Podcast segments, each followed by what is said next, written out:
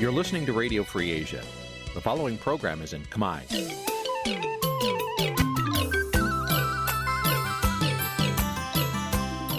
នេះជាកម្មវិធីផ្សាយ Vuthu Azizi Serai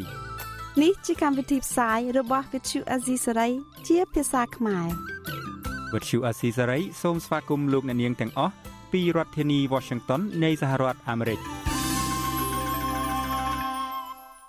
បាទខ្ញុំបាទយ៉ងច័ន្ទដារា សូមជម្រាបសួរលោកអ្នកនាងអ្នកស្ដាប់ Vuthu Azizi Serai ទាំងអស់ជាទីមេត្រី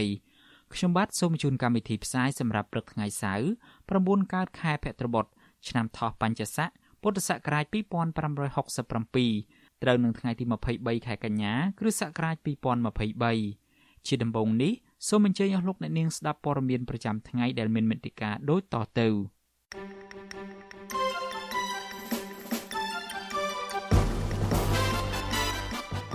ពលរដ្ឋខ្មែរនៅក្រៅប្រទេសតវ៉ាទាមទារឲ្យលោកហ៊ុនម៉ាណែតគោរពសិទ្ធិមនុស្សនិងស្ដារប្រជាធិបតេយ្យ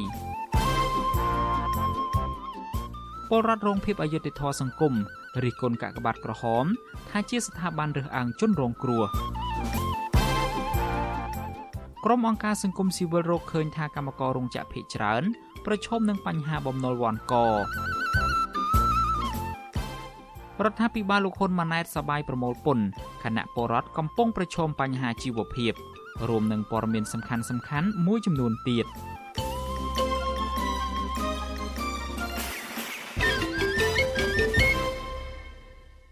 បាទជាបន្តទៅទៀតនេះខ្ញុំបាទយ៉ងច័ន្ទដារាសូមជូនព័ត៌មានទាំងនេះពឹស្ដាលោកអ្នកនាងជាទីមេត្រីប្រជាពលរដ្ឋខ្មែរជាច្រើនអ្នកដែលរស់នៅសហរដ្ឋអាមេរិកកាណាដា និងប្រទេសមួយចំនួនទៀត បានប្រមូលផ្ដុំគ្នាតវ៉ានៅបរិយាញូវយ៉កសហរដ្ឋអាមេរិកកាលពីថ្ងៃទី22កញ្ញាម្សិលមិញនេះដើម្បីប្រឆាំងនឹងវត្តមានរបស់លោកហ៊ុនម៉ាណែតដែលមកចូលរួមមហាសន្និបាតអង្គការសហប្រជាជាតិ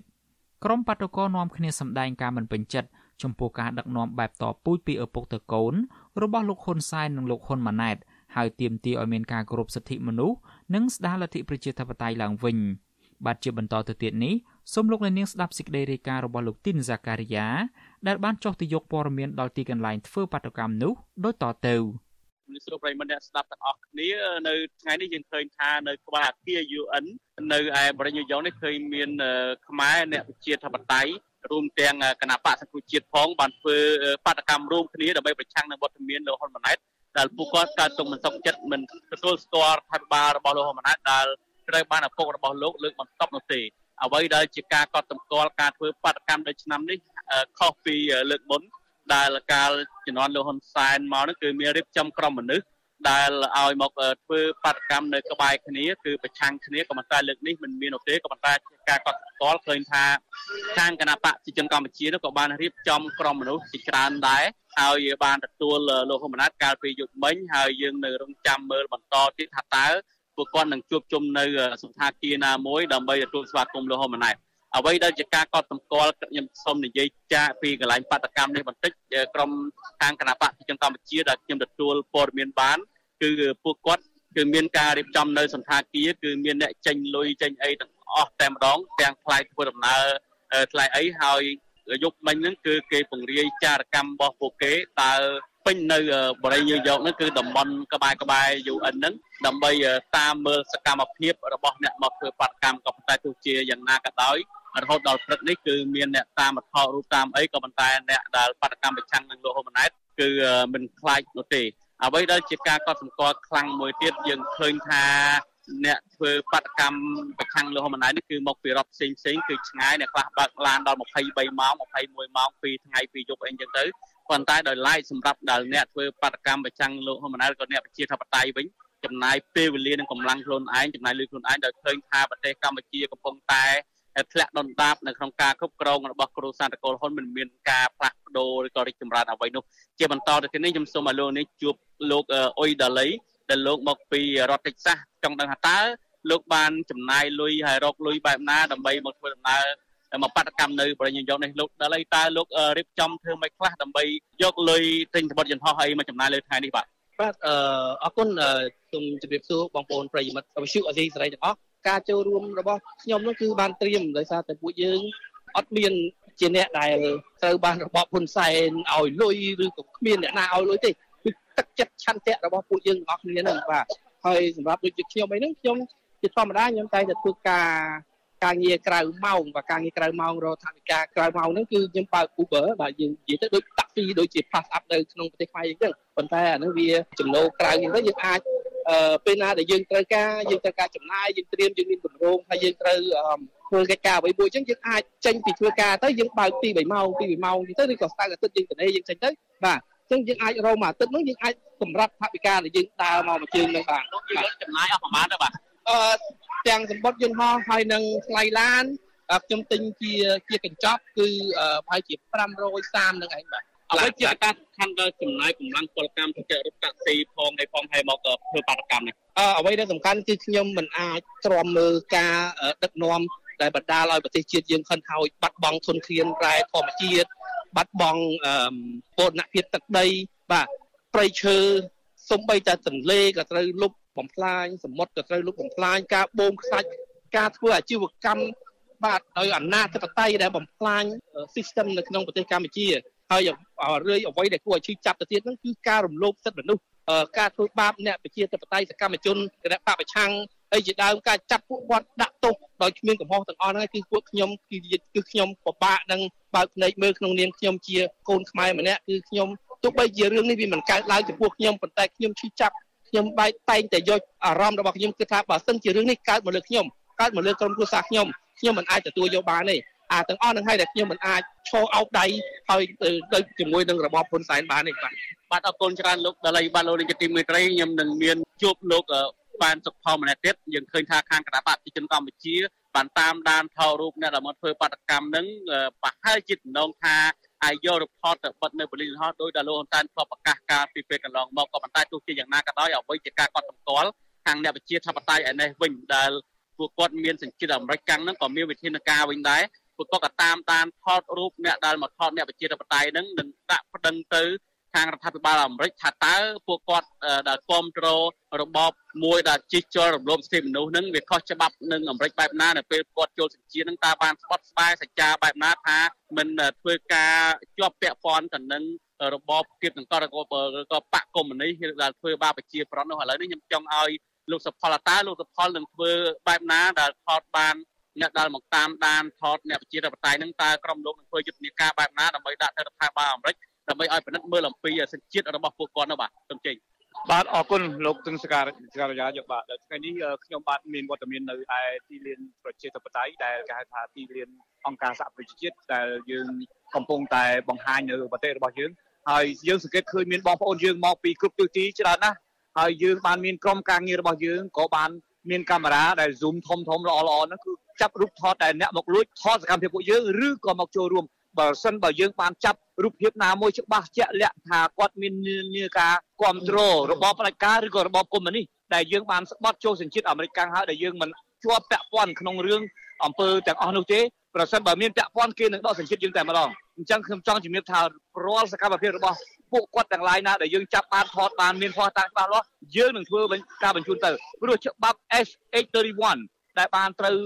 ដាក់ទៅចូលក្នុងរដ្ឋសភា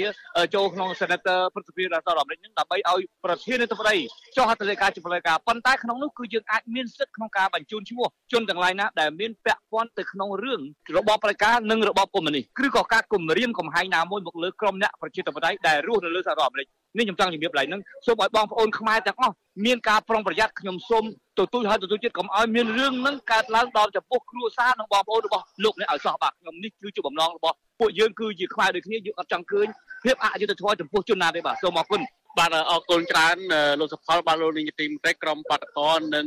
រំសាយនៅវេលាម៉ោងប្រហែលជាមួយថ្ងៃត្រង់នេះហើយប្រព័ន្ធនឹងដងហែនៅតាមផ្លូវមួយចំនួននៅ ជំវិញអគារអង្គការសហប្រជាជាតិនេះមុននឹងប្រកបរំសាយគាត់ដង្ហែដើម្បីបញ្ជាក់ឲ្យឃើញថាពួកគាត់នឹងស្រែកតាមឃោសនាស័ព្ទថាមិនគ្រប់គ្រងការដឹកនាំរបស់លោកហ៊ុនម៉ាណែតនោះទេបាទសម្រាប់ពេលនេះខ្ញុំបាទទីនសាករិយារាយការណ៍ពីទីកន្លែងបាតកម្មនៅមុខអគារអង្គការសហប្រជាជាតិពីទីក្រុងញូវយ៉កបាទលោកនាងជាទីមេត្រីតកតងទៅនឹងរឿងបាតុកម្មប្រឆាំងទៅនឹងលោកហ៊ុនម៉ាណែតនេះដែរនៅពេលបន្តិចទៀតនេះ លោកអ្នកនាងក៏នឹងបានស្ដាប់បទសម្ភាសន៍ដាច់ដライមួយទៀតរបស់លោកជុនច័ន្ទបុតជាមួយនឹងក្រុមអតីតតំណាងរាជគណៈបកសង្គ្រោះជាតិដែលបន្តបដិញ្ញាចិត្តនៅក្នុងការស្ដារសិទ្ធិមនុស្សនិងលទ្ធិប្រជាធិបតេយ្យនៅកម្ពុជាឡើងវិញបាទសូមលោកអ្នកនាងរងចាំស្ដាប់បទសម្ភាសន៍ដោយឡែកអំពីរឿងនេះនៅពេលបន្តិចទៀតនេះ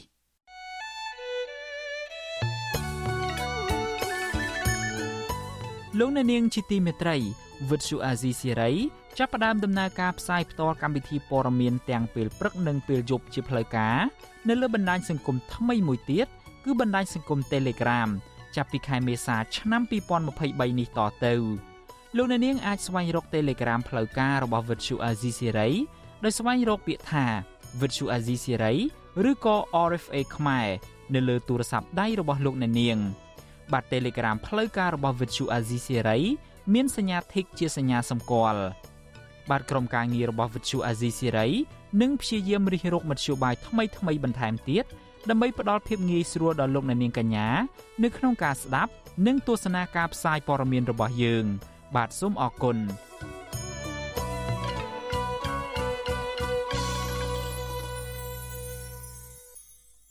បាទលោកអ្នកនាងជាទីមេត្រីយើងងាកមកចាប់អារម្មណ៍ពាក់ព័ន្ធទៅនឹងបញ្ហារិះគន់ទៅលើកាកបាទក្រហមឯនេះវិញ ប្រជាពលរដ្ឋរងភាពអយុត្តិធម៌សង្គមរិះគន់កាកបាទក្រហមកម្ពុជា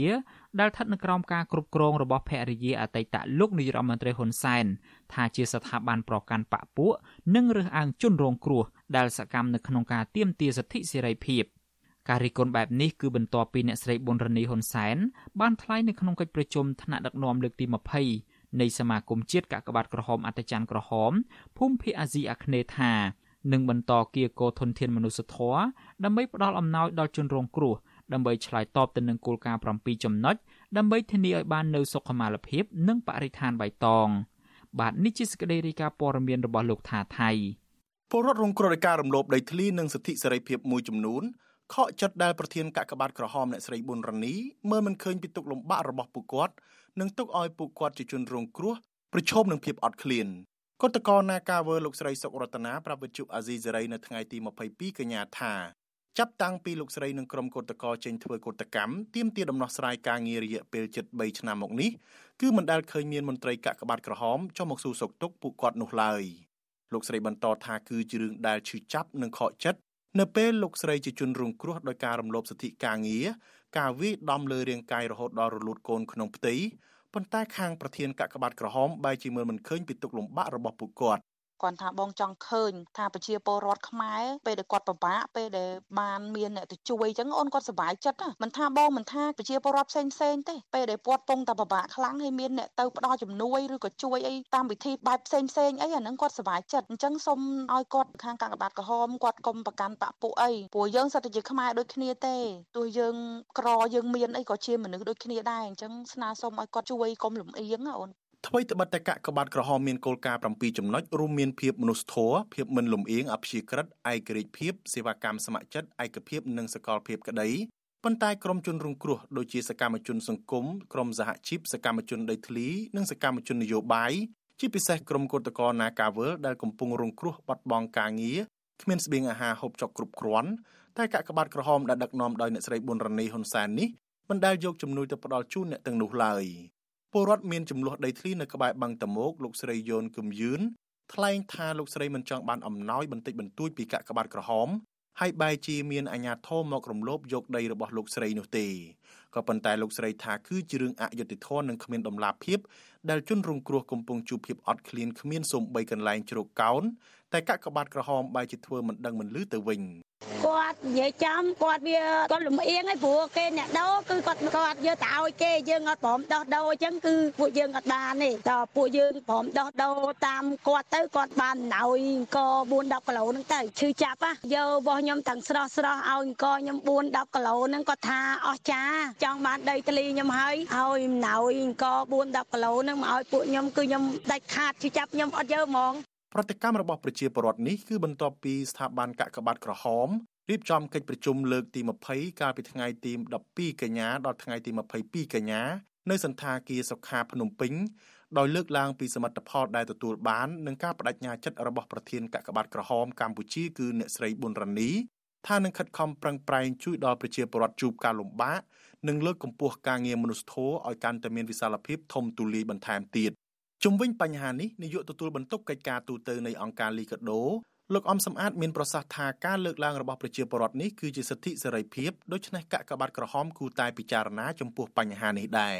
លោកបន្តថាដើម្បីបញ្ជាការរិះគន់អ្នកស្រីប៊ុនរ៉ានីគួរតែអនុវត្តតាមគោលការណ៍ដែលបានចែងឲ្យបានត្រឹមត្រូវ បើយើងនិយាយអំពីគោលបំណងនៃការបដក្រហមជួយទៅដល់ពលរដ្ឋដោយមានការរើសអើងណាអានឹងជាទ្រឹស្ដីនៃការបដក្រហមឲ្យតែរងគ្រោះដោយគ្រោះធម្មជាតិឬក៏រងគ្រោះផ្សេងផ្សេងក៏ដកសត្វអីជាដើមហ្នឹងគឺអាចនឹងទទួលបានគ្រប់គ្នាពីព្រោះអត្ថន័យនៃការបដក្រហមឬអត្តច័ន្ទក្រហមនៅក្នុងពិភពលោកហ្នឹងគឺគេសម្រាប់ជួយទៅសម្រាប់បងប្អូនប្រជាពលរដ្ឋទូទៅជាពិសេសគឺលើកពោះទៅលើជនងាយរងគ្រោះ ស្ថាប័នកាកបាទក្រហមគឺជាអង្គការមនុស្សធម៌ដែលទទួលបានជំនួយច្រើនជាងគេបំផុតដែលដឹកនាំដោយអ្នកស្រីប៊ុនរ៉ានីហើយថ្នាក់ដឹកនាំពីលើដល់ក្រោមផ្សេងទៀតសុទ្ធសឹងតែជាប្រពន្ធកូនរបស់មន្ត្រីបកកណ្ដាលអំណាចកាកបាទក្រហមក៏ត្រូវបានគេមើលឃើញថាបានបំពេញមុខងារបន្ថែមលើសពីទូនាទីរបស់ខ្លួនដោយคล้ายទៅជាសេនាធិការពង្រឹងផលប្រយោជន៍នយោបាយឲ្យគណៈបកប្រជាជនកម្ពុជា លើសពីនេះស្ថាប័នកាកបាទក្រហមក៏តែងរងការរិះគន់ថាជាកន្លែងជួយបិទបាំងអំពើអាក្រក់ឬជួយលុបលាងគេឈ្មោះអាស្រូវរបស់ជនពុករលួយឈ្មោះរកស៊ីទុច្ចរិតនិងអ ுக ្រិតជន តាមរយៈការបរិច្ចាគលុយទាំងបាច់ទាំងបាច់របស់ពួកគេដើម្បីបង្ហាញថាពួកគេគឺជាអ្នកដែលមានទឹកចិត្តជ្រះថ្លាទោះជាយ៉ាងណាប្រជាពលរដ្ឋរងគ្រោះយល់ឃើញថាអ្នកស្រីប៊ុនរ៉ានីគួរតែអនុវត្តតាមគោលការណ៍7ចំណុចឲ្យបានត្រឹមត្រូវដោយបញ្ឈប់ការរើសអើងក្នុងការជួយដល់ជនរងគ្រោះ ទោះជាពួកគាត់មកពីនិន្នាការណាក៏ដោយខ្ញុំថាថៃពីទីក្រុងមែលប៊នលោកអ្នកនាងកំពុងស្ដាប់ការផ្សាយរបស់ Vuthu Azizi Serai ពីរដ្ឋធានី Washington នៃសហរដ្ឋអាមេរិកពាក់ព័ន្ធទៅនឹងជនជាប់ឃុំនយោបាយឯនេះវិញប្រពន្ធសកម្មជនគណៈបកសង្គ្រោះជាតិដែលកំពុងជាប់ឃុំនៅក្នុងពន្ធនាគារព្រៃសរនៅតែទទូចឲ្យរដ្ឋាភិបាលដោះលែងប្តីរបស់ពួកគាត់ឲ្យមានសេរីភាពឡើងវិញខណៈពេលសុខភាពរបស់អ្នកជាប់ឃុំទាំងនោះកាន់តែដុនដាបខ្លាំងនៅក្នុងពន្ធនាគារ បាទសូមលោកអ្នកនាងស្ដាប់សេចក្តីរាយការណ៍ព័ត៌មាននេះរបស់លោកតារារាជសែនដូចតទៅ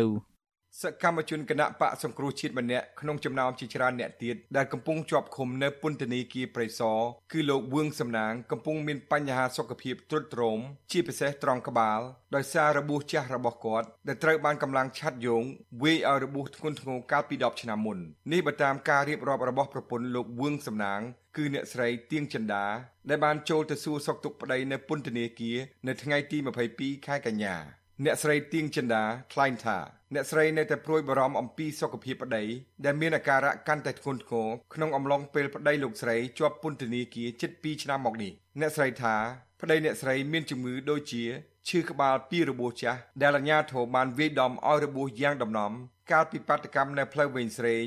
មានជំងឺលើសឈាមហើយថ្មីថ្មីនេះឡើងជាតិអាស៊ីតជាខ្លាំងដែលបណ្ដាលឲ្យប្តីអ្នកស្រីហើមជើងនិងស្ពឹកជើង អ្នកស្រីបន្តថាសពថ្ងៃអ្នកស្រីមានបន្ទុកនិងសម្ពាធផ្លូវចិត្តខ្លាំងដោយសារត្រូវរ៉ាប់រងចិញ្ចឹមកូនតូចម្នាក់ឯងនិងត្រូវចំណាយលុយច្រើនទៅមើលប្តីហើយបារម្ភអំពីសុខភាពរបស់គាត់នៅក្នុងពន្ធនាគារអ្នកស្រីទទូចឲ្យរដ្ឋាភិបាលថ្មីដោះលែងប្តីអ្នកស្រីនិងសកម្មជនដទៃទៀតមានសេរីភាពឡើងវិញនិងមានឱកាសទៅព្យាបាលនៅមន្ទីរពេទ្យក្រៅឃុំខ្ញុំសូមទាមទាររាជរដ្ឋាភិបាលថ្មីស្នើសុំឲ្យដោះលែងប្តីខ្ញុំអឺ វាសំណាងក៏ដូចជាអ្នកទៅមានការផ្សេងផ្សេងទៀតឲ្យគាត់មានសេរីភាពដូចថាមានកំហុសអីទេហើយនឹងដើម្បីឲ្យគាត់បានក្រាយឃុំជាបានជំងឺព្រោះព្រោះអីសុខភាពគាត់កាន់ទៅហើយអញ្ចឹងបងចាលោកវឿងសំណាង មានអាយុ41ឆ្នាំ ជាអតីតចៅសង្កាត់រងទី2ជាប់ឆ្នោតរបស់គណៈបកសង្គ្រោះជាតិនៅរាជធានីភ្នំពេញ កាលពីឆ្នាំ2013លោកវឿងសំណាង នៅពេលនោះជាប្រសង់បានចូលរួមធ្វើបាតកម្មទាមទារដំឡើងប្រាក់ឈ្នួលកម្មកររោងចក្ររួមទាំងកម្មករផ្សេងទៀតត្រូវកងទ័ពឆាត់យងវាយបង្ក្រាបស្ទើរស្លាប់បាត់បង់ជីវិតនិងបានបញ្ជូនទៅសង្គ្រោះនៅមន្ទីរពេទ្យសង្ហបុរី នៅពេលនេះស្នាមរបួសចាស់របស់លោកបន្តឈឺចាប់រហូតមកដល់សប្តាហ៍ថ្ងៃជាពិសេសកាន់តែឈឺចាប់ខ្លាំងឡើងនៅពេលជាប់ពន្ធនាគារដែលគ្មានពេទ្យព្យាបាលត្រឹមត្រូវលោកវឿងសំណាង ធ្លាប់រត់ភៀសខ្លួនទៅប្រទេសថៃប៉ុន្តែត្រូវបានអាជ្ញាធររដ្ឋាភិបាលលោកហ៊ុនសែនសហការជាមួយសមត្ថកិច្ចថៃឆ្មក់ចាប់ខ្លួនបញ្ជូនមកឃុំនៅពន្ធនាគារព្រៃសរកាលពីថ្ងៃទី9តុលាឆ្នាំ2021សាលាដំបងរាជធានីភ្នំពេញកាលពីខែធ្នូឆ្នាំ2022បានផ្ដន្ទាទោសលោកវឿងសំណាងព្រមទាំងសកម្មជននិងថ្នាក់ដឹកនាំគណៈបកប្រឆាំងចំនួន37នាក់ដាក់ពន្ធនាគារ ក្នុងម្នាក់ម្នាក់ចន្លោះពី5ឆ្នាំទៅ7ឆ្នាំពីបទរួមគំនិតក្បត់ពាក់ព័ន្ធនឹងរឿងគម្រោងការវិលចូលស្រុករបស់ថ្នាក់ដឹកនាំគណៈបកសង្គ្រោះជាតិកាលពីដើមខែមករាឆ្នាំ2021សំណុំរឿងនេះសហគមន៍ជាតិនិងអន្តរជាតិបានចាត់ទុកថាជារឿងនយោបាយនាយកទទួលបន្ទុកកិច្ចការទូតនៃអង្គការ Ligado លោកអំសំអាតយល់ឃើញថារដ្ឋាភិបាលអាណត្តិទី7គួរដោះស្រាយបញ្ហានយោបាយ ដោយដោះលែងអ្នកជាប់ឃុំដោយសារមូលហេតុនយោបាយឲ្យមានសេរីភាពឡើងវិញ។លោកថាក្នុងពេលប្រមុខរដ្ឋាភិបាលទៅចូលរួមកិច្ចប្រជុំមហាសន្និបាតអង្គការសហប្រជាជាតិនេះរដ្ឋាភិបាលគួរតែគិតគូរដោះស្រាយបញ្ហានេះដើម្បីមុខមាត់ប្រទេសជាតិនិងជាផលប្រយោជន៍ក្នុងការអូសទាញអ្នកវិនិយោគិនពីប្រទេសប្រជាធិបតេយ្យប្រទេសទាំងអស់ហ្នឹងគេបានដឹងហើយគេបានទទួលស្នើសុំសម្រាប់កម្ពុជាយើងរួចទៅហើយអញ្ចឹងណា អញ្ចឹងអ្វីដែលសំខាន់តើកម្ពុជាយើងនឹងអាចនឹងកែលម្អទៅលើលម្អប្រជាធិបតេយ្យលម្អសិទ្ធិមនុស្សសម្រាប់ប្រទេសយើងនឹងឲ្យមានភាពល្អប្រសើរដែរទេអាហ្នឹងវាអាស្រ័យទៅលើចន្ទៈនិងគោលនយោបាយរបស់រដ្ឋាភិបាលនៅក្នុងការដោះស្រាយលើបញ្ហាជំរងចម្រាស់ទាំងអស់ហ្នឹងណាបាទជុំវិញរឿងនេះវិទ្យុអាស៊ីសេរីពុំអាចសុំការឆ្លើយតបពីអង្គភាពអ្នកនាំពាក្យរដ្ឋាភិបាលខ្មែរលោកប៉ែនបូណាបានទេ នៅថ្ងៃទី22កញ្ញាសកម្មជនបកសង្គ្រោះជាតិលោកវឿងសំណាងរួមទាំងសកម្មជនផ្សេងទៀតប្រមាណ70នាក់ត្រូវបានអាជ្ញាធរកម្ពុជាចាប់ដាក់ពន្ធនាគារក្រោមការចោទប្រកាន់ពីតុលាការពីបទញុះញង់និងរួមគំនិតក្បត់អង្គការសង្គមស៊ីវិលជាតិនិងអន្តរជាតិចាត់ទុកការចាប់ខ្លួននេះថាជាការធ្វើទុកបុកម្នេញផ្នែកនយោបាយនិងស្នើឲ្យរដ្ឋាភិបាលដោះលែងពួកគេឲ្យមានសេរីភាពឡើងវិញដោយឥតលក្ខខណ្ឌ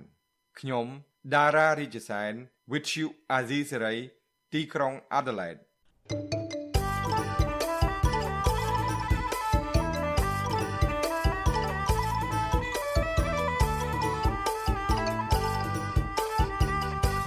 បាទលោកនាងជាទីមេត្រីយើងងាកមកចាប់អារម្មណ៍ពាក់ព័ន្ធទៅនឹងបញ្ហាជីវភាពរបស់ប្រជាពលរដ្ឋដែលជាកម្មកររោងចក្រឯនេះវិញក្រុមអង្គការសង្គមស៊ីវិលរកឃើញថាកម្មករភៀកច្រើនកាន់តែប្រឈមទៅនឹងការជំពាក់បំណុល ដោយសារតែម្ចាស់ម៉ាកយីហោល្បីៗនៅក្នុងទីផ្សារអន្តរជាតិគិតតែប្រាក់ចំណេញរបស់ពួកគេនៅក្នុងពេលមានវិបត្តិជំងឺ Covid-19 កម្មកររោងចក្រលើកឡើងថាពួកគាត់កាន់តែប្រឈមនឹងបញ្ហាលំបាកផ្នែកជីវភាពដោយសារមិនបានធ្វើការថែម៉ោងហើយរោងចក្រផ្អាកដំណើរការជាញឹកញាប់បាទលោកលេងម៉ាលីរាយការណ៍ព័ត៌មាននេះជូនលោកអ្នកនាងរបាយការណ៍ស្រាវជ្រាវដែលធ្វើឡើងដោយអង្គការសង្គមស៊ីវិលរួមគ្នាចំនួន5អង្គការរកឃើញថា កម្មកររោងចក្រភ ieck ច្រើនកាន់តែប្រឈមជីវភាពលំបាកនិងមិនមានលទ្ធភាពសងបំណុលបានទៀងទាត់នោះឡើយដោយសារតែក្រុមហ៊ុនមានម៉ាកយីហោល្បីៗក្នុងទីផ្សារអន្តរជាតិដែលទទួលបានប្រាក់ចំណេញរាប់រយលានដុល្លារក្នុងមួយឆ្នាំមួយឆ្នាំមានចេតនាគេចវេះពីកាតព្វកិច្ចគោរពសិទ្ធិកម្មករអង្គការសង្ត្រាល់រួមជាមួយសហជីពនិងអង្គការអន្តរជាតិចំនួន4ទៀតរួមមានសហព័ន្ធសហជីពកម្ពុជាសម្ព័ន្ធសហជីពប្រជាធិបតេយ្យនៅកម្ពុជា អង្គការ Action Aid និងអង្គការ Clean Clothes Campaign បានចេញរបាយការណ៍មួយនៅថ្ងៃទី21កញ្ញាដោយដាក់ចំណងជើងថាសម្ពាធក្រោមធ្នេសាច់ក្រណាត់បិទបាំងការបាត់បង់ប្រាក់ឈ្នួលនៅក្នុងវិស័យវិជ្ជាភ័ណ្ឌកាត់ដេរកម្ពុជា ការសិក្សាស្រាវជ្រាវដែលបានសម្ភាសកម្មករជាង300នាក់មកពីរោងចក្រចំនួន10ផ្សេងគ្នាបានរកឃើញថាកម្មករ54%មិនមានលទ្ធភាពសងប្រាក់ឲ្យបានទៀងទាត់នោះឡើយ ខណៈរោងចក្រមួយចំនួននៅតែបិទទ្វារដំណើរការអាជីវកម្មដោយមិនបានទូទាត់ប្រាក់បំណាច់ផ្សេងៗទៅឲ្យកម្មករនោះឡើយរបាយការណ៍នេះលើកហេតុផលថាមូលហេតុចម្បងដែលធ្វើឲ្យកម្មករបាត់បង់ប្រាក់ចំណូលគឺបណ្ដាលមកពីម្ចាស់ស្លាកយីហោអន្តរជាតិធំធំរួមមានដូចជា Adidas, Nike, Levi's និង Puma ជាដើម នៅតែគិតវេះមិនជំរុញឲ្យក្រុមហ៊ុនផលិតដែលមានទីតាំងនៅក្នុងប្រទេសកម្ពុជា គោរពសិទ្ធិកម្មករឲ្យបានត្រឹមត្រូវដោយឡែកនៅក្នុងអនុសាសន៍របាយការណ៍ស្រាវជ្រាវក៏បានស្នើដល់បណ្ដាប្រទេសបញ្ជាទិញរួមមានសហរដ្ឋអាមេរិក និងអូស្ត្រាលីជាដើមឲ្យដាក់លក្ខខណ្ឌលើក្រុមហ៊ុនផលិតសម្លៀកបំពាក់និងសម្ភារៈកីឡាដោយភ្ជាប់កាតព្វកិច្ចគោរពសិទ្ធិកម្មករជាកំហិតដោយសហភាពអឺរ៉ុបដែរបន្ថែមពីលើនេះ ក្រុមអង្គការសង្គមស៊ីវិលក៏ជំរុញដល់រដ្ឋាភិបាលឲ្យដំឡើងប្រាក់ឈ្នួលអបបរមាដើម្បីឲ្យកម្មករមានជីវភាពសមរម្យឡើងវិញដែរគណៈការដំឡើងប្រាក់ឈ្នួលក្នុងរយៈពេល3ឆ្នាំចុងក្រោយនេះមិនបានឆ្លើយតបទៅនឹងការឡើងថ្លៃទំនិញសពសារពើនោះឡើយវិទ្យុអស៊ីសេរីមិនអាចតាក់ទងប្រធានក្រុមប្រឹក្សាជាតិប្រាក់ឈ្នួលអបបរមានិងជារដ្ឋមន្ត្រីក្រសួងកាងារនិងបណ្ដុះបណ្ដាលវិជ្ជាជីវៈគឺលោកហេងសួរដើម្បីឲ្យបកស្រាយជុំវិញបញ្ហានេះបានឡើយ នៅថ្ងៃទី22ខែកញ្ញាទោះជាយ៉ាងណាក្តីក្នុងពេលពិភាក្សាប្រាក់ឈ្នួល កាលពីពេលកន្លងទៅភាគីថៅកែរោងចក្របានស្នើសុំដំឡើងប្រាក់ឈ្នួលភាគីរោងចក្របានស្នើសុំដំឡើងប្រាក់ខែត្រឹមតែ1ដុល្លារកន្លះពីលើប្រាក់ឈ្នួលអបបរមា200ដុល្លារតែប៉ុណ្ណោះកម្មករម្នាក់បានធ្វើការជាមួយរោងចក្រ Violet Apparel អស់រយៈពេល17ឆ្នាំ គឺលោកស្រីសុភាបានលើកឡើងក្នុងរបាយការណ៍ថា លោកស្រីបានជាប់បំណុលវ៉ាន់កក្រោយពេលរោងចក្របិទដំណើរការអាជីវកម្មដោយមិនបានទូទាត់ប្រាក់បំណាច់ផ្សេងៗកាលពីពេលផ្ទុះជំងឺ Covid-19 ក្នុងឆ្នាំ2020លោកស្រីបន្តថាដោយសារការបាត់បង់ការងារនិងត្រូវមើលជំងឺម្ដាយគណៈប្តីរបស់លោកស្រីក៏មិនអាចរកប្រាក់ចំណូលក្នុងពេលរីករាលដាលជំងឺ Covid-19 លោកស្រីបានខ្ចីប្រាក់អ្នកជិតខាងដែលមានអត្រាការប្រាក់ខ្ពស់ដើម្បីដោះទាល់ ពេលដែលរោងចក្រនឹងបិទទ្វារខ្ញុំក៏កូននៅទូចប្តីខ្ញុំក៏មានមុខរបរខ្ញុំម្ដាយមានជំងឺទៀតនិយាយរួមទៅរងការប៉ះពាល់ខ្លាំងទីបំផុតការងារក៏ខ្ញុំធ្វើបងការងារអីឲ្យតាកម្លាំងលើឈាមខ្ញុំធ្វើទាំងអស់ដើម្បីយកប្រាក់ហ្នឹងមកពុតគង់គ្រួសារជុំវិញរឿងនេះមន្ត្រីសិទ្ធិការងារនៃអង្គការសង្ត្រាល់លោកខុនថារ៉ូលើកឡើងថាកម្មករវិស័យវាយនភ័ណ្ឌកាន់តែប្រឈមជីវភាពលំបាក ដោយសារតែរោងចក្រភាគច្រើន នៅតែផ្អាកដំណើរការនិងកាត់បន្ថយម៉ោងធ្វើការរបស់កម្មករលោកបន្តថាបើទោះបីជាប្រាក់ឈ្នួលអបបរមារបស់កម្មករនៅកម្ពុជា ច្រើនជាងបណ្ដាប្រទេសជិតខាងបន្តិចបន្តួចក្តីប៉ុន្តែរដ្ឋាភិបាលនៅតែអាចលើកកម្ពស់ជីវភាពកម្មករបាន តាមរយៈការលើកកម្ពស់ការគោរពសិទ្ធិមនុស្សដើម្បីទទួលបានប្រព័ន្ធអនុគ្រោះពន្ធពាណិជ្ជកម្មផ្សេងៗនិងទទួលបានការបញ្ជាទិញពីបណ្ដាប្រទេសធំៗ ដូចជាសហរដ្ឋអាមេរិកនិងសហភាពអឺរ៉ុបជាដើម។តកតងទៅនឹងការកំណែតម្រង់ប្រាក់ឈ្នួលនេះមិនមែនតែរាជរដ្ឋាភិបាលឬក៏ខាងសមាគមឬក៏អ្នកវិនិយោគជនទំនុកទេយើងត្រូវជួយយ៉ាងណាដើម្បីឲ្យប្រទេសកម្ពុជាមានស្ថិរភាពនយោបាយការគោរពសិទ្ធិមនុស្សការលើកកម្ពស់លក្ខខណ្ឌការងារល្អអានឹងទើបអាចជាលក្ខណៈវិនិច្ឆ័យដើម្បីធានាថាប្រទេសកម្ពុជាយើងនឹងបន្តបាននៅទទួលបាននៅប្រព័ន្ធអនុគ្រោះពន្ធពីសហភាពអឺរ៉ុបហើយនិង GSP ពីសហរដ្ឋអាមេរិក ក្រៅពីមិនមានវិធានការច្បាប់ទៅលើថៅកែក្រុមហ៊ុន ដែលបិទទ្វាររោងចក្រដោយមិនទូទាត់ប្រាក់បំណាច់ផ្សេងផ្សេងទៅដល់កម្មករហើយនោះរបាយការណ៍រកឃើញថាកម្មកររោងចក្រដែលរងការកេងប្រវ័ញ្ចកម្លាំងពលកម្មក៏រងការរើសអើងមិនឲ្យចូលធ្វើការនៅរោងចក្រផ្សេងផ្សេងទៀតផង នៅពេលដែលពួកគេធ្វើការតវ៉ាទាមទាររោគយុត្តិធម៌ក្រុមអង្គការសង្គមស៊ីវិលលើកឡើងថា ដើម្បីជំរុញឲ្យកម្មករមានជីវភាពធូរធា ររដ្ឋាភិបាលត្រូវតែកែតម្រង់វិស័យឧស្សាហកម្មតាមរយៈការអនុវត្តច្បាប់ស្តីពីការងារឲ្យបានម៉ឺងម៉ាត់និងបើកលំហសេរីភាពសហជីពឯករាជ្យឲ្យធ្វើការដោយមិនមានការរឹតបន្តឹងខ្ញុំបាទលេងម៉ាលីវិទ្យុអស៊ីសេរី Washington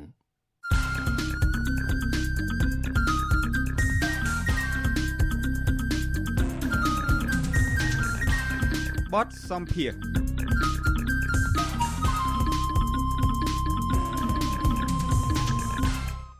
លោកអ្នកនាងកំពុងស្ដាប់ការផ្សាយរបស់ Vuthu Azizi Serai ពីរដ្ឋធានី Washington នៃសហរដ្ឋអាមេរិកក្រុមអតីតតំណាងរាជគណៈបកសង្គ្រោះជាតិបន្តថ្កោលទោសរដ្ឋាភិបាលដែលនៅតែបិទផ្លូវពួកគេមិនឲ្យវិលចូលស្រុកវិញពួកគេបដិញ្ញាចិត្តថានឹងបន្តការតស៊ូទាមទារបន្ថែមទៀតនៅលើឆាកអន្តរជាតិដើម្បីឲ្យមានការគោរពសិទ្ធិមនុស្សនិងលទ្ធិប្រជាធិបតេយ្យឡើងវិញនៅកម្ពុជា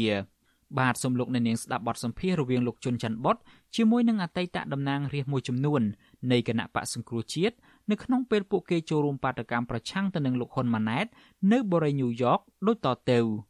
អ្វីដែលនឹងឡើងថ្លែងសារនឹងថ្លែងអ្វីខ្លះសូមអញ្ជើញលោកជាបឋមខ្ញុំប្រកាសណាខ្ញុំចង់បញ្ជាក់ថាយើងមកនេះបំតំណាងនៃពលរដ្ឋខ្មែរទាំងក្នុងប្រទេសនិងក្រៅប្រទេស យើងមកនេះក្នុងនាមយើងជាអ្នកប្រជាធិបតេយ្យអ្នកស្នេហាជាតិយើងមិនមែនមកតំណាងសម្រាប់គណៈបកទេ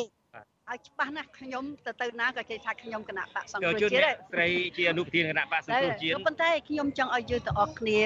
មកនៅមុខអង្គការសហប្រជាជាតិអង្គការសហប្រជាជាតិគឺជាតំណាងនៃពលរដ្ឋនៃទូទាំងសកលលោកអង្គការសហប្រជាជាតិគឺហើយអ្នកដែលអង្គុយនៅកៅអីអាសនៈនៃអង្គការសហប្រជាជាតិត្រូវជាអ្នកដែលតំណាងពិតប្រាកដ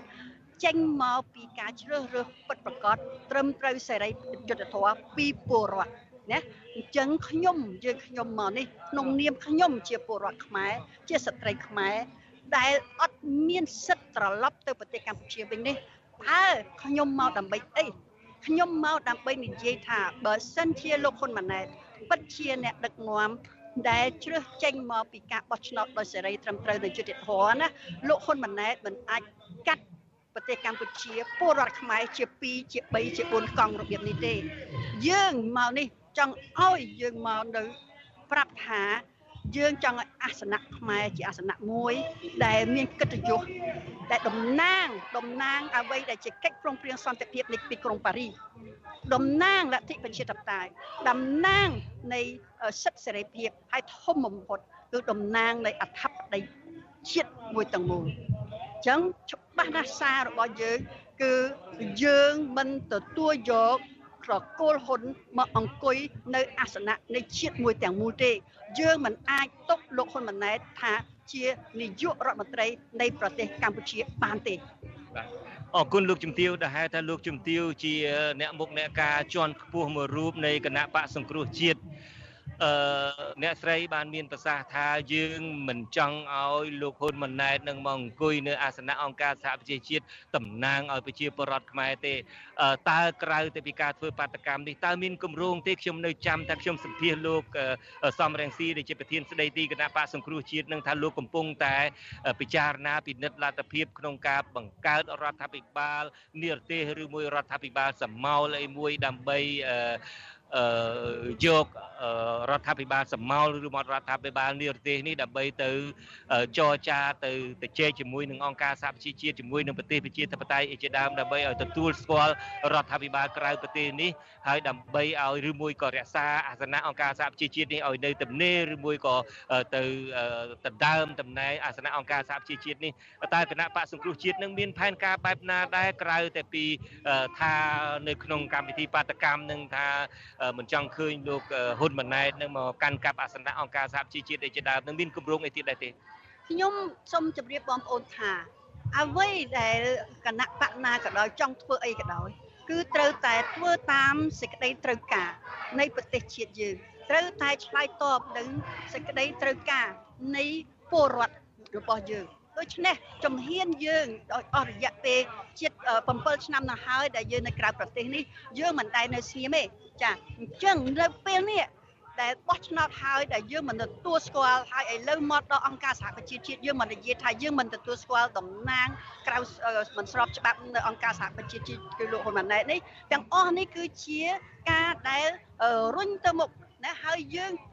មកនេះគឺពលរដ្ឋខ្មែរទាំងអស់យើងនឹងមានវេទិកាតាមវត្តអារាម តាមសហគមន៍តាមផ្ទះនីមួយនីមួយគ្រប់ទីកន្លែងទាំងអស់ដើម្បីសួរសំដៅពលរដ្ឋយើងវិញថាបងប្អូននៅក្រៅប្រទេសបងប្អូននៅក្នុងប្រទេសចង់បានអីណាពីព្រោះ អ្វីដែលយើងទៅធ្វើទៅមុខទៀតលុត្រាតែមានការចូលរួមពីពលរដ្ឋខ្មែរខ្ញុំសូមបញ្ជាក់ថាមិនមែនគណៈបកសង្គ្រោះជាតិធ្វើដោយខ្លួនឯងឬលោកប្រធានស្ដីទីសំរងស៊ីធ្វើដោយខ្លួនឯងទេច្បាស់ណាស់ដែលយើងមកនេះហើយនៅក្នុងរយៈពេលប្រមាណថ្ងៃប្រមាណខែប្រមាណអាទិត្យទៅមុខនេះគឺយើងបងប្អូននឹងឃើញយើងខ្ញុំហើយយើងទាំងអស់គ្នានឹងមកសួរ ឲ្យឲ្យអាស៊ីសេរីសួរបងប្អូនខ្មែរទាំងអស់ណាបាទចង់បានអីបើសិនជាឥឡូវឥឡូវសួរបរោយទៅលោកជំទាវនៅនឹងសិនអ្នកចូលរួមម្នាក់រដ្ឋាចង់បានអីខ្ញុំចង់បានឲ្យប្រជាពលរដ្ឋមានសេរីភាពជីវភាពទូធាឲ្យដូចទៅប្រទេសធ្វើដោយរបៀបណាធ្វើដោយបើកលំហសេរីភាពប្រជាធិបតេយ្យឲ្យប្រជាពលរដ្ឋមានជំរឿរើដល់អ្នកដឹកនាំ អរគុណបាទធ្វើរបៀបនេះបានលុត្រាតែមានរចនាសម្ព័ន្ធមួយណាជាតំណាងហើយរចនាសម្ព័ន្ធនេះវាអាចជារចនាសម្ព័ន្ធដូចជាប្រទេសដទៃទៀតគេមានចលនាណាគេមានការសម្ព័ន្ធភាព គេមានការបង្រួបបង្រួមជាសម្លេងតែមួយណាជាគេមានសម្លេងអ្នកប្រជាធិបតេយ្យសម្លេងអ្នកស្នេហាជាតិសម្លេងអង្គការក្រៅរដ្ឋាភិបាលលក្ខនឹង លក្ខណាតែបើសិនជាយើងទួប៉ុណ្ណឹងតើគ្រប់គ្រាន់ទេព្រោះយើងយើងពិចារណាអញ្ចឹងមានអ្នកខ្លះគេថាអត់ទេត្រូវតែមានរដ្ឋាភិបាលស្រមោលក៏យើងត្រូវពិចារណាដែរតើរដ្ឋាបាលស្រមោលហ្នឹងតើយើងធ្វើដោយរបៀបណាពីព្រោះយើងនិយាយអំពីរដ្ឋាភិបាលណាចាអ្នកណាអញ្ចឹងយើងមិនបដិសេធទេប៉ុន្តែយើងអត់ចង់រត់លឿនពេកថាត្រូវធ្វើនេះត្រូវធ្វើនោះទេ ខ្ញុំឱកាសនេះខ្ញុំសូមយកឱកាសនេះអរគុណដល់អង្គអាស៊ីសេរីអឺដល់អ្នកសារព័ត៌មានទាំងអស់ក្នុងប្រទេសក៏ក្រៅប្រទេសក៏សួរពួកយើងខ្ញុំដែរខ្ញុំសូមយកឱកាសនេះអំពាវនាវដល់បងប្អូនជំរុនជាតិទាំងអស់សូមមកចូលរួមបញ្ចេញមតិសូមឈប់ខ្លាចសូមកុំឲ្យពេលធ្វើបាតកម្មនេះមកម្ដងម្ដងឃើញតែពួកយើងតែចឹងយូរយូរទៅចិត្តបាក់ លៀបពណ៌ថានេះគឺជារបស់គណៈបកសង្គ្រោះជាតិមែនទេនេះនេះគឺជាជាតិទាំងមូលសូមឲ្យបងប្អូនចូលរួមជាមួយយើងខ្ញុំជាចលនាក្តីហើយថ្ងៃក្រោយបើអាចคล้ายទៅជាទោះបីជាមានរដ្ឋាភិបាលស្រមោលក៏ដោយ ក៏ត្រូវតែមានចលនាត្រូវតែមានពលរដ្ឋដែលអ្នកខ្លះគេមិនចង់ចូលចលនាគេមិនចង់ចូលរដ្ឋាភិបាលពីពលរដ្ឋាភិបាលមានន័យថាគណៈបកឯងណាអ្នកខ្លះគេចង់នៅជាសេរីអញ្ចឹងប៉ុន្តែយ៉ាងម៉េចក៏ដោយក៏ត្រូវតែមកជួបជួបជួបជុំគ្នាជជែកគ្នាដូចជាយើងនឹងមានធ្វើការជួបជុំគ្នាតាមវត្តតាមអារាមអីអីហ្នឹងដើម្បីសួរមតិទាំងអស់គ្នាណាចាហើយចុងក្រោយយើងនឹងសម្រេចជាមួយគ្នាហើយមិនមែនសម្រាប់តែខ្មែរនៅសហរដ្ឋអាមេរិកទេគឺខ្មែរទូទៅ ទូទាំងសកលលោកបាទអរគុណលោកជំទាវបាទសូមជម្រាបលាតែត្រឹមនេះបាទហើយយើងនឹងជួបគ្នាទៀតនៅថ្ងៃក្រោយទៀតខ្ញុំបាទក៏នឹងចង់ដឹងអំពីតើតើផែនការរបស់គណៈបកសង្គ្រោះជាតិនឹងនឹងធ្វើអ្វីទៀតក្រៅតែពីលោកជំទាវសិក្សាស្វែងយល់រួចហើយបាទបាទលោកនាងកញ្ញាជាទីមេត្រីឥឡូវនេះខ្ញុំមានលោកតំណាងរាជឡុងរីមួយលោកតំណាងរាជបាទជំរាបសួរបាទសុខសប្បាយបាទសុខសប្បាយបាទលោកឡុងរីរៀបចំលុយគ្រប់គ្រាន់ហើយនៅដើម្បីទៅបងខ្ញុំ ថ្ងៃមុនខ្ញុំបានផ្ដាំហើយចាំថាចាំជួបគ្នានារដូវអាចឆ្កែក្រៀមថោកទាបកំសាកប្រកួតខ្លួនឯងវាយម្នាក់ឯងលើកដៃឈ្នះចាញ់ម្នាក់ឯងមករករឿងអ្នកក្រៅចាស់អន់ណាស់ខ្ញុំគិតថានេះជាជំរឿសចុងក្រោយដែលពួកគេត្រូវការលុយដើម្បីទៅបំពេញបំណងស្អីមួយអញ្ចឹងសម្រាប់ពួកខ្ញុំអត់មានជឿក្បាលអត់មានខ្វល់ខ្វាយ ហើយចង់អញ្ជើញមកយកមកចាស់មកជួបខ្ញុំនៅអាមេរិកបាទលោកនាងកញ្ញាបើសិនជាតាមដានព័ត៌មានលោកនាងកញ្ញាប្រហែលជាជ្រាបហើយប្រហែលថ្ងៃមុននេះគណៈកម្មការជាតិរៀបចំការបោះឆ្នោតបានចេញលិខិតមួយដើម្បីបង្គាប់ឲ្យពិន័យជាប្រាក់ជាដើមក្នុងនោះមានលោកឡុងរីផងដែរប្រាក់នឹងគេពិន័យប្រហែលទៅចំនួន10លានរៀល10លានរៀលហើយ36នាក់36នាក់បាទ ហើយពីបត់អីដែរដែលគេពិន័យជាប្រាក់ហ្នឹងគេថាពួកយើងនឹងបានទៅញុះញង់បានទៅរៀបរៀងមិនឲ្យមនុស្សទៅបោះឆ្នោតហើយឲ្យមនុស្សទៅគូសស្លឹកឆ្នោតខ្វែងអញ្ចឹងបាទខ្ញុំប្រាប់ថាមិញហ្នឹងរឿងអីខ្លួនឯងប្រកួតលើរិញខ្លួនឯងចាប់ដៃឲ្យជ័យជំនះខ្លួនឯងទៅខឹងគេអាអ្នកក្រៅឆាគប់ដប់ទឹកសុតពួកយើងនិយាយក្នុងន័យធ្វើម៉េចឲ្យមានការបោះឆ្នោតដោយសេរីយុត្តិធម៌ត្រឹមត្រូវយើងរំលាយបាក់គេហើយយើងមិនឲ្យអ្នកប្រកួតអ្នកប្រជាតៃទៅប្រកួតហើយថែមទាំងមកពីនៃគេដែលគេកំពុងតែចលនាឲ្យមនុស្សចូលរួមចំណែកក្នុងការស្ដារកម្ពុជាឡើងវិញអញ្ចឹងបានរឿងនេះ ខ្ញុំមើលទៅវាអត់សុខទេហើយកុំសង្ឃឹមថាហ៊ុនម៉ាណែតមកដោះបានរឿងនេះអត់ដោះបានទេដរាបណាតើតែយើងជជែកគ្នាឲ្យមតិភាគតិចដែលមានខ្មែរជាងកន្លះនគរទៅអង្គុយជជែកគ្នាបានដោះស្រាយបានបើមិនអញ្ចឹងទេរឿងនឹងនៅតែបន្តបន្តយូរអង្វែងទៅទៀតបាទតកតងក្នុងរឿងពិន័យជាប្រាក់នេះតើលោកមានការថ្លែងអីជាផ្លូវការទៅវិញទៅសេតបទៅវិញឬមួយឆ្លើយតបឬមកឬមួយមានគម្រោងយ៉ាងណាដែរទេឬមួយក៏ធ្វើមិនដឹងអញ្ចឹងទៅអត់ទេ មែនទេទៅមិនតែរឿងដំបងទេហៅយើងទៅកាត់ទោសយើងទៅអត់មានកប៉ាល់ហោះជីគេអត់ឲ្យយើងចូលឥឡូវហៅយើងពិន័យជាប្រាក់រកវិធីធ្វើម៉េចឲ្យយើងរសាបឲ្យយើងបងប្រាក់ប៉ុន្តែយើងបើគាត់មិនព្រមឲ្យយើងចូលទៅបងប្រាក់ទេឲ្យគាត់អញ្ជើញមកយកប្រាក់នៅសហរដ្ឋអាមេរិកមកឬក៏តាមប្រទេសមួយចំនួនមកឲ្យគាត់អញ្ជើញមកឲ្យយើងយើងចង់ជួបចង់ជជែកថាមូលហេតុអីបានជាអ្នកធ្វើអញ្ចឹងហើយបំណងគណៈកម្មការជាអាជ្ញាកណ្ដាលទៅកាន់ជើងមនុស្សចំហៀងទៅធ្វើបាបមនុស្សចំហៀងតើសមទេតែយើងគួរទទួលយកឯលទ្ធផលបែបហ្នឹងខ្ញុំអត់ទទួលយកបានដាច់ខាតបាទ អរគុណលោករងលីជាពិសេសនឹងចុងក្រោយនេះតើលោកមានពីអីផ្ដាំផ្ញើទៅខាងប្រជាពលរដ្ឋរស់នៅប្រទេសកម្ពុជាខ្ញុំបានជម្រាបវាគ្មិនដំបងដំបងមកហើយថានៅពេលដែលអ្នកតាមដានស្ដាប់ការផ្សាយរបស់យើងហើយជាពិសេសអ្នកដែលមាន friend នៅក្នុង Facebook របស់ខ្ញុំនឹង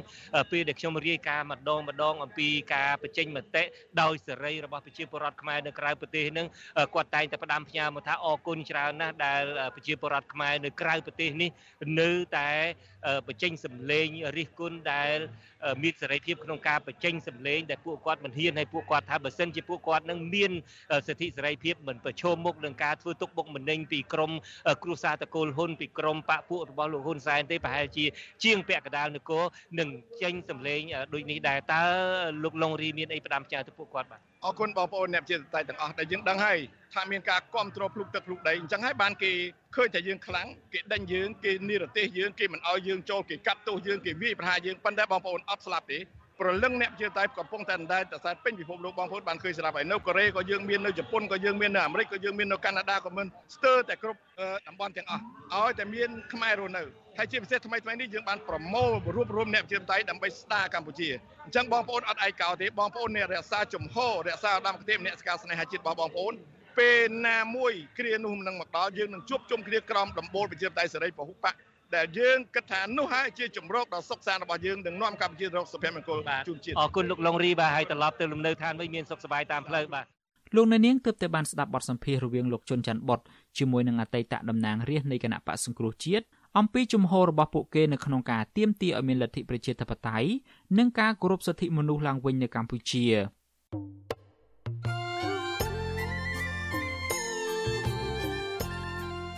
លោកអ្នកនាងជាទីមេត្រី នៅក្នុងឱកាសនេះដែរខ្ញុំបាទសូមថ្លែងអំណរគុណដល់លោកអ្នកនាងកញ្ញាទាំងអស់ដែលតែងតែមានភក្ដីភាពចំពោះការផ្សាយរបស់យើងហើយចាត់ទុកការស្ដាប់វិទ្យុអាស៊ីសេរីគឺជាផ្នែកមួយនៃសកម្មភាពប្រចាំថ្ងៃរបស់លោកអ្នកនាងគឺការគ្រប់គ្រងរបស់លោកអ្នកនាងនេះហើយដែលធ្វើឲ្យយើងខ្ញុំមានទឹកចិត្តកាន់តែខ្លាំងក្លាថែមទៀតនៅក្នុងការស្វែងរកនិងផ្តល់ព័ត៌មានជូនលោកអ្នកនាង មានអ្នកស្ដាប់អ្នកទស្សនាកាន់តែច្រើនកាន់តែធ្វើឲ្យយើងខ្ញុំមានភាពស្វាហាប់ មោះមុតជាបន្តទៅទៀតយើងខ្ញុំសូមអរគុណទុកជាមុនហើយសូមអញ្ជើញលោកអ្នកនាងកញ្ញាទាំងអស់ចូលរួមជំរុញឲ្យសកម្មភាពផ្តល់ព័ត៌មានយើងនេះកាន់តែជោគជ័យបន្ថែមទៀតលោកអ្នកនាងអាចជួយយើងខ្ញុំបានដោយគ្រាន់តែចុចចែករំលែកឬមួយក៏ Share ការផ្សាយរបស់យើងនៅលើបណ្ដាញសង្គម Facebook និង YouTube ទៅកាន់មិត្តភ័ក្តិដើម្បីឲ្យការផ្សាយរបស់យើងបានទៅដល់មនុស្សកាន់តែច្រើន បាទសូមអរគុណ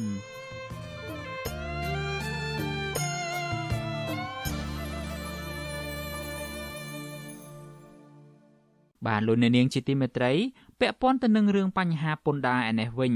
លោកនាយរដ្ឋមន្ត្រីហ៊ុនម៉ាណែតបានឡើងកាន់តំណែងចាប់ពីថ្ងៃទី22ខែសីហានៅក្នុងរយៈពេល1ខែនៃការកាន់តំណែងនេះគេមិនទាន់ឃើញលោកមានដំណោះស្រាយលើបញ្ហាធំធំ ដែលពលរដ្ឋកំពុងជួបប្រទះនោះទេផ្ទុយទៅវិញរដ្ឋាភិបាលរបស់លោកបែរជាមានវិធានការតឹងរឹងទៅលើការប្រមូលពន្ធពីប្រជាពលរដ្ឋថែមទៀត។ បាទសូមលោកអ្នកនាងស្ដាប់សេចក្តីរាយការណ៍ពឹស្ដាអំពីរឿងនេះរបស់អ្នកស្រីសុជីវីដូចតទៅអ្នកសិក្សាការអភិវឌ្ឍសង្គមនិងប្រជាពលរដ្ឋលើកឡើងថារយៈពេល1ខែនៃការឡើងកាន់តំណែងរបស់លោកហ៊ុនម៉ាណែតគឺមានវិធានការរឹតបន្តឹងលើការប្រមូលពន្ធក្នុងពេលដែលពលរដ្ឋកំពុងបាត់បង់ការងារនិងជួបបញ្ហាបំណុលធ្ងន់ធ្ងរអ្នកសិក្សាស្រាវជ្រាវពីការអភិវឌ្ឍបណ្ឌិតមាសនេះ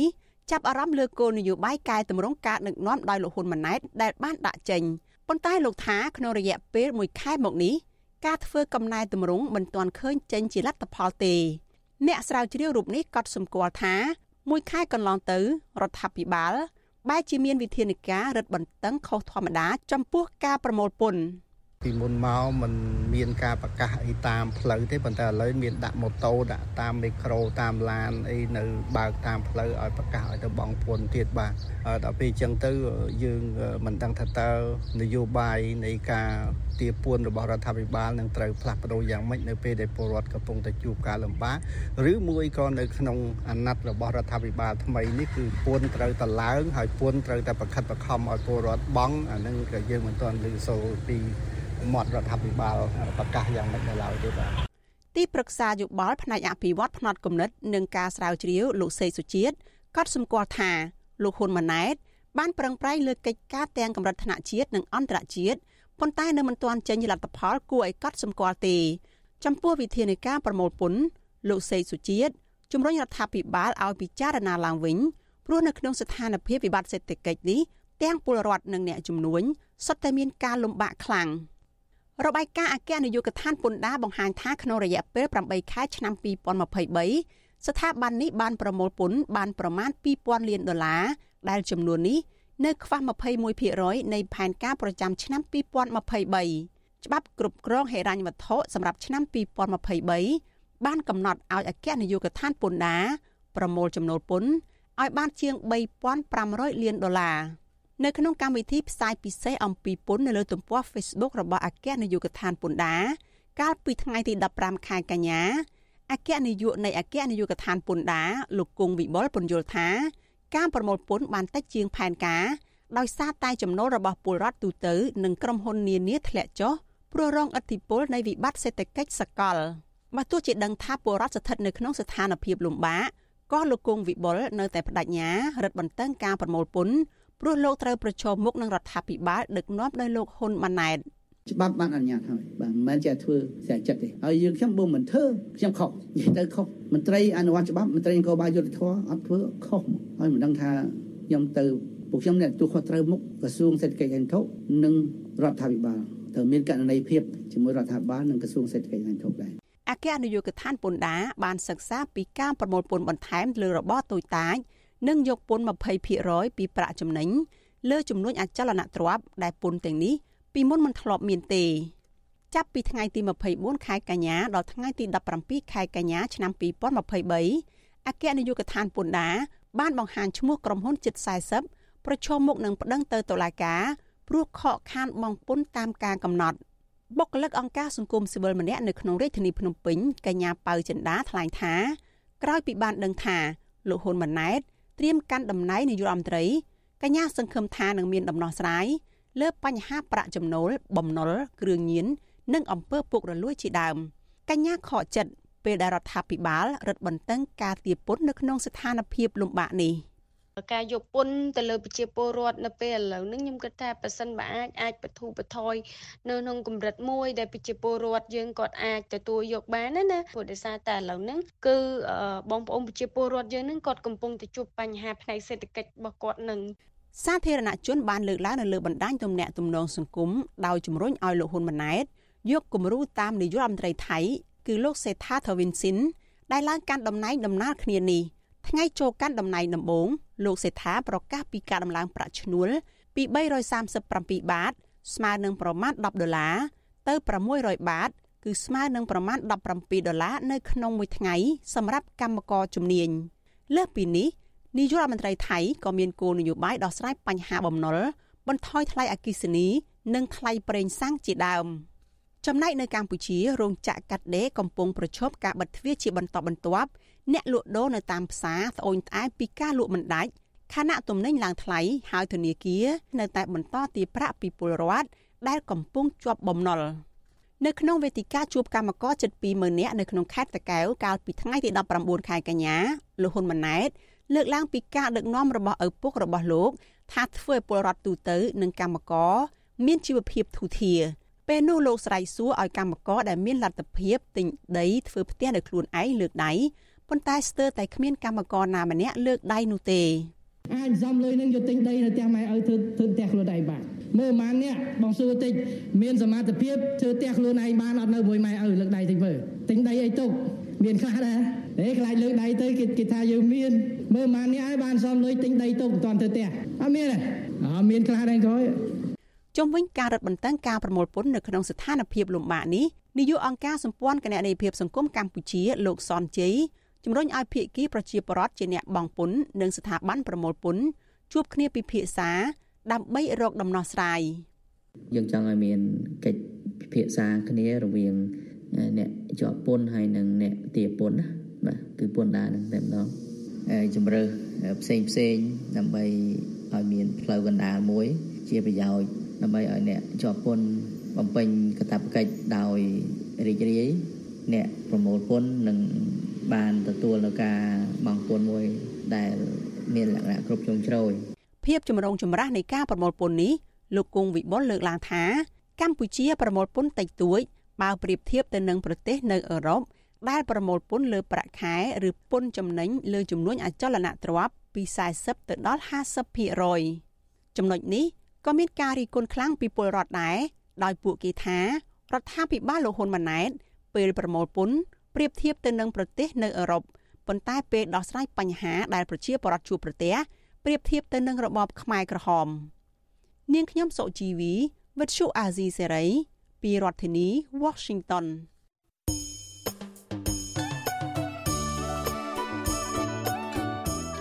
លោកអ្នកនាងជាទីមេត្រី ក្រៅពីការតាមដានកម្មវិធីផ្សាយរបស់ Vuthu Azizi Serai នៅតាមបណ្ដាញសង្គម Facebook YouTube និង Telegram លោកអ្នកនាងក៏អាចតាមដានកម្មវិធីផ្សាយរបស់យើងនៅតាមរយៈបណ្ដាញ Instagram បានដែរតាមរយៈតំណ link ដែលមានអាសយដ្ឋាន www.instagram.com/rfa ខ្មែរអាស៊ីសេរីបន្តខិតខំផ្សព្វផ្សាយព័ត៌មានពិតទៅកាន់បងប្អូនតាមរយៈបណ្ដាញសង្គមផ្សេងផ្សេងនិងសម្បូរបែប ដើម្បីឲ្យលោកអ្នកនាងងាយស្រួលតាមដានកម្មវិធីផ្សាយរបស់អាស៊ីសេរីគ្រប់ពេលវេលា និងគ្រប់ទីកន្លែង តាមរយៈទូរស័ព្ទរបស់លោកអ្នកនាង បាទសូមអរគុណ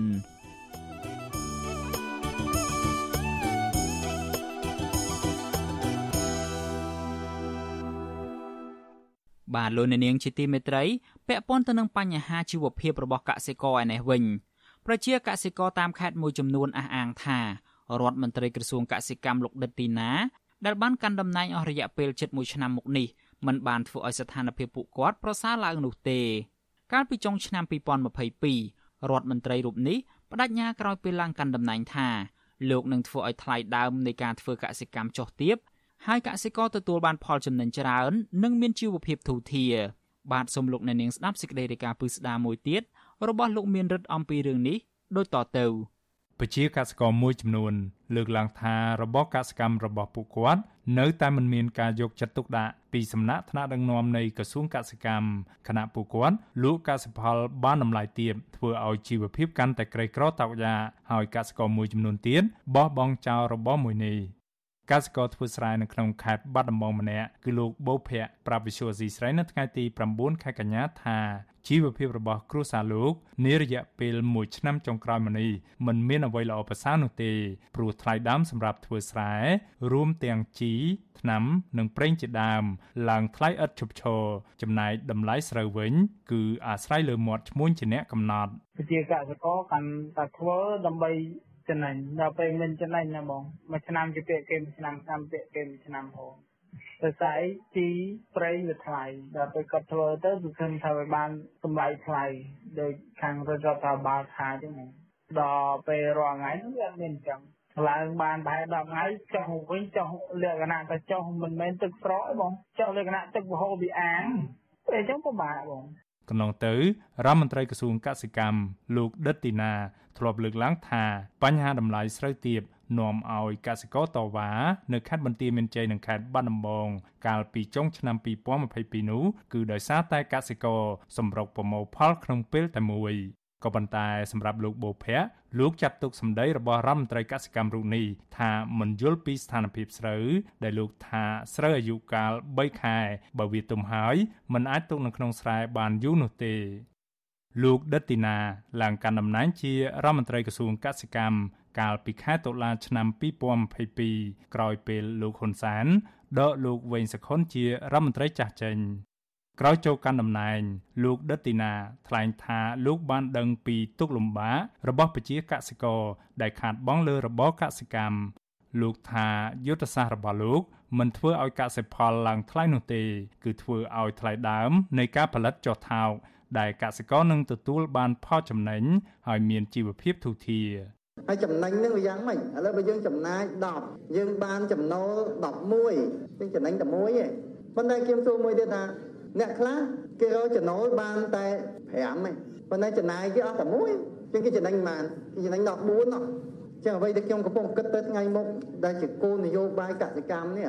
គឺមិនមែនការជំរុញឲ្យឡើងថ្លៃហើយកសិផល ហើយបកកការលំបាកទៅមនុស្សជាច្រើនទៀតដែលត្រូវការហូបចុកនៅកសិផលរបស់យើងឯមែនទេទោះជាយ៉ាងណាក្រោយការថ្លែងរបស់លោកដិតទីណារួចមកគឺចាប់ពីចុងឆ្នាំ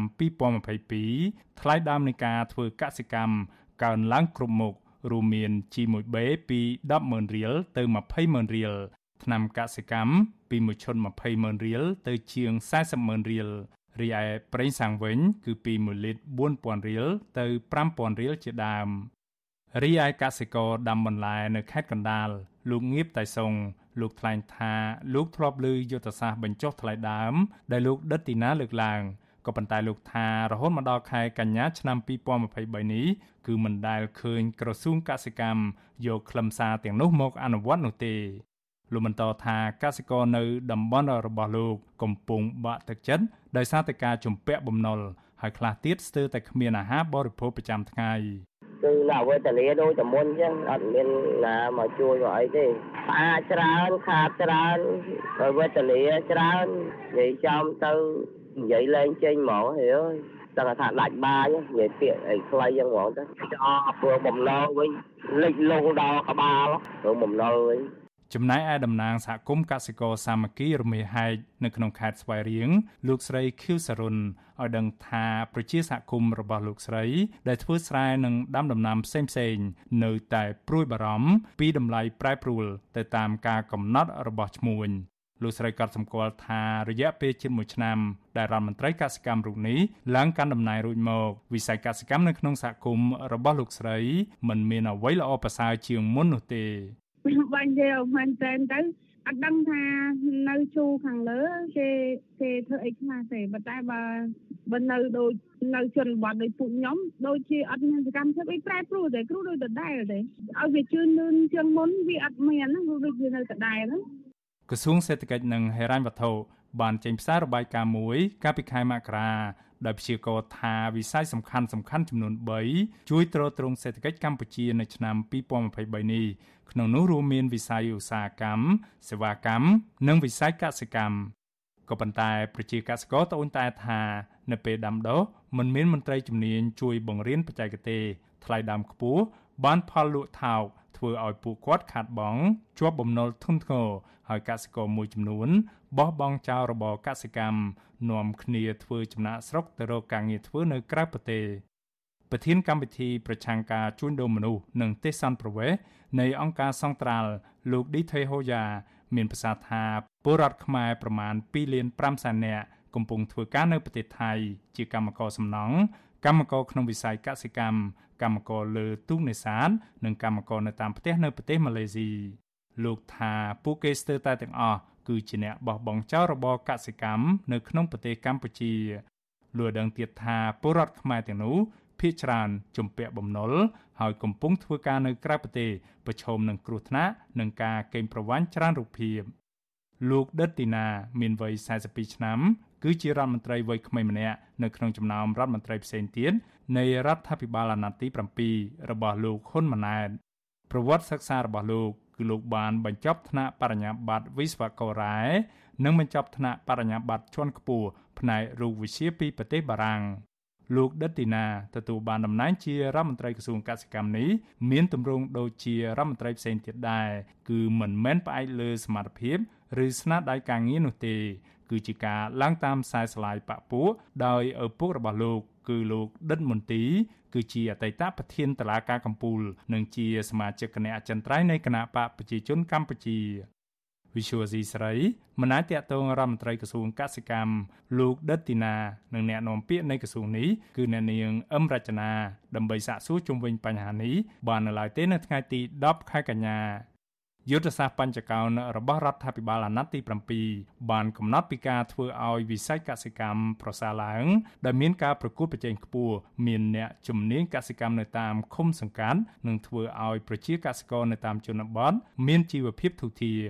ក៏ប៉ុន្តែប្រជាកសិករមិនមានជំនឿទៅលើយុទ្ធសាស្ត្ររបស់រដ្ឋាភិបាលអាណត្តិថ្មីនេះទេដែលថាអាចធ្វើឲ្យជីវភាពរបស់ពួកគាត់ល្អប្រសើរឡើង គឺដោយសារតែរដ្ឋាភិបាលដែលដឹកនាំដោយគណៈបកប្រជាជនកម្ពុជាកាលពីពេលកន្លងទៅ បានតែសន្យាទូយ៉ាងដូចជារដ្ឋមន្ត្រីក្រសួងកសិកម្មគឺលោកដិតទីណា ដែលបានដឹកនាំអស់រយៈពេលជិត1ឆ្នាំមកនេះគឺមានតែការសន្យា តែមិនបានធ្វើដោយការសន្យានោះឡើយខ្ញុំបានមេរិត Visual C ស្រីពីរដ្ឋធានី Washington